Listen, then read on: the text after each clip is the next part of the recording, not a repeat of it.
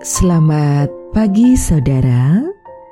Kembali kita ada di dalam sapaan pagi.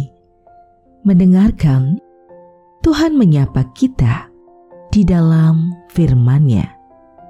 Namun, sebelum kita mendengarkan sapaan dalam firman itu, mari kita berdoa terlebih dahulu.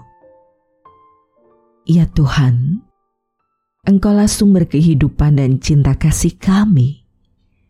Berserah sepenuhnya kepadamu untuk dimampukan melakukan apa yang kau kehendaki dengan mendengarkan di dalam firman, merasakan, belajar memahami, dan mewujudkan dalam perjuangan hidup setiap hari maka dalam Tuhan Yesus kami berserah.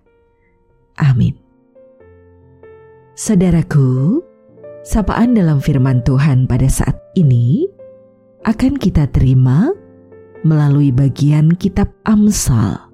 Ya, Amsal pada pasal yang pertama di ayat yang ke-8.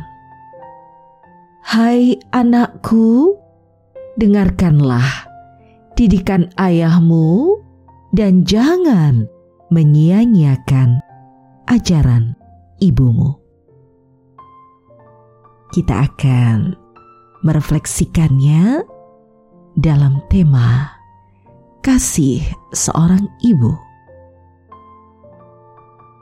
Saudaraku, ada pepatah yang berkata bahwa kasih ibu sepanjang masa. Kasih anak sepanjang galah. Pepatah ini nampaknya ingin menggambarkan betapa besar kasih ibu yang tiada terbatas dan akhir. Laksana jalan yang tak ada ujungnya berbeda dengan kasih anak yang diibaratkan seperti galah saja. Nah, saudaraku, pada saat ini kita akan mendengar sebuah kesaksian yang akan dituturkan oleh Pak Eko.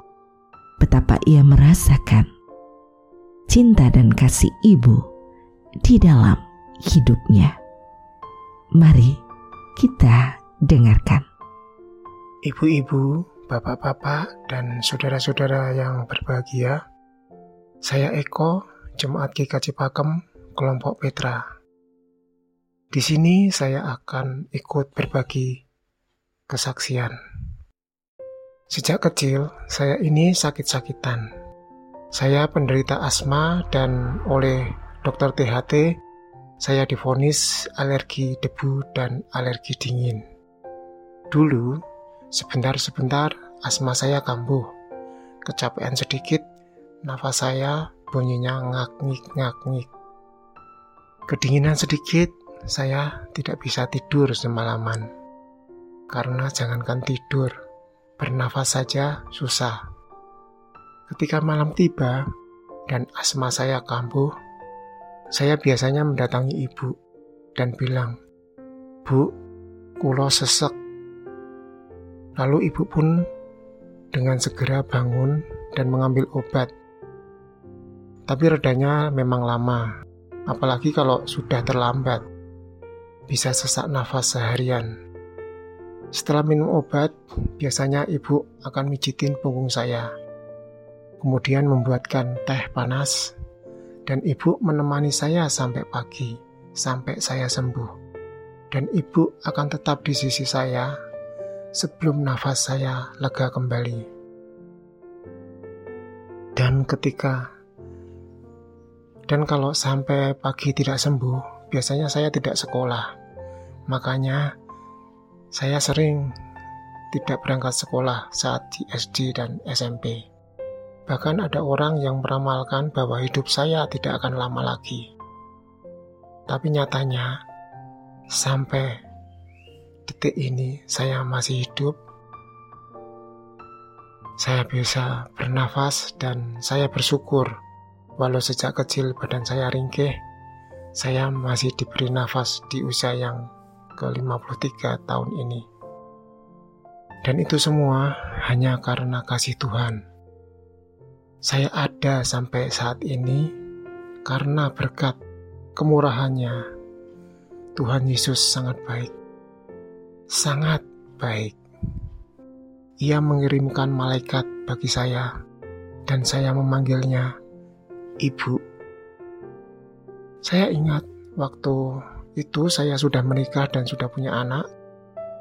Saya ada luka karya yang diselenggarakan kantor saya selama empat hari dan saya harus menginap di Hotel Ambarukmo. Di hari terakhir saya vertigo dan saya telepon ibu. Akhirnya ibu datang membawa obat dan ngeri saya. Dan setelah itu saya sembuh. Lalu teman saya bilang, Wah kamu ini sudah beranak istri, tapi kok masih mbok-mboken. Begitu kata teman saya. Bagi ibu, saya selamanya akan tetap jadi anak. Dulu setelah nikah, kalau hari Minggu tidak kelihatan di gereja, pasti ditanyain, Eko, Kok kamu tadi tidak kelihatan di gereja?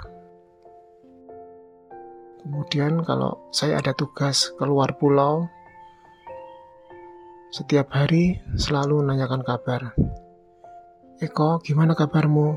Sehat-sehat aja toh? Jangan lupa minum vitamin ya.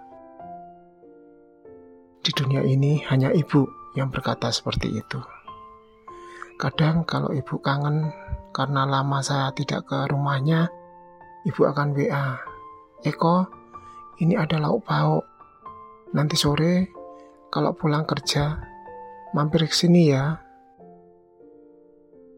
Dan kalau saya minta dikeriin, ibu pun selalu siap.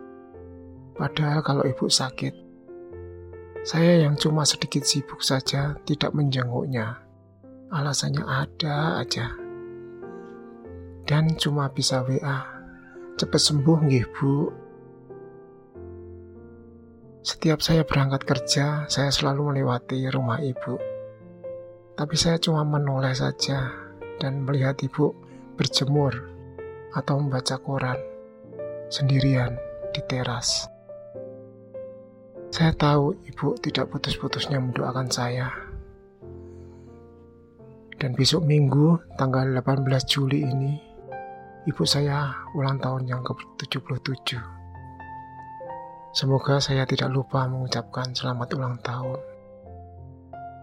Maafkan aku, Bu. Belum bisa membahagiakan Ibu. Sekian, terima kasih. Saudaraku, demikianlah penuturan dari Pak Eko. Iya, benar. Kasih ibu pernah memiliki batas. Ia memberi dan memberi.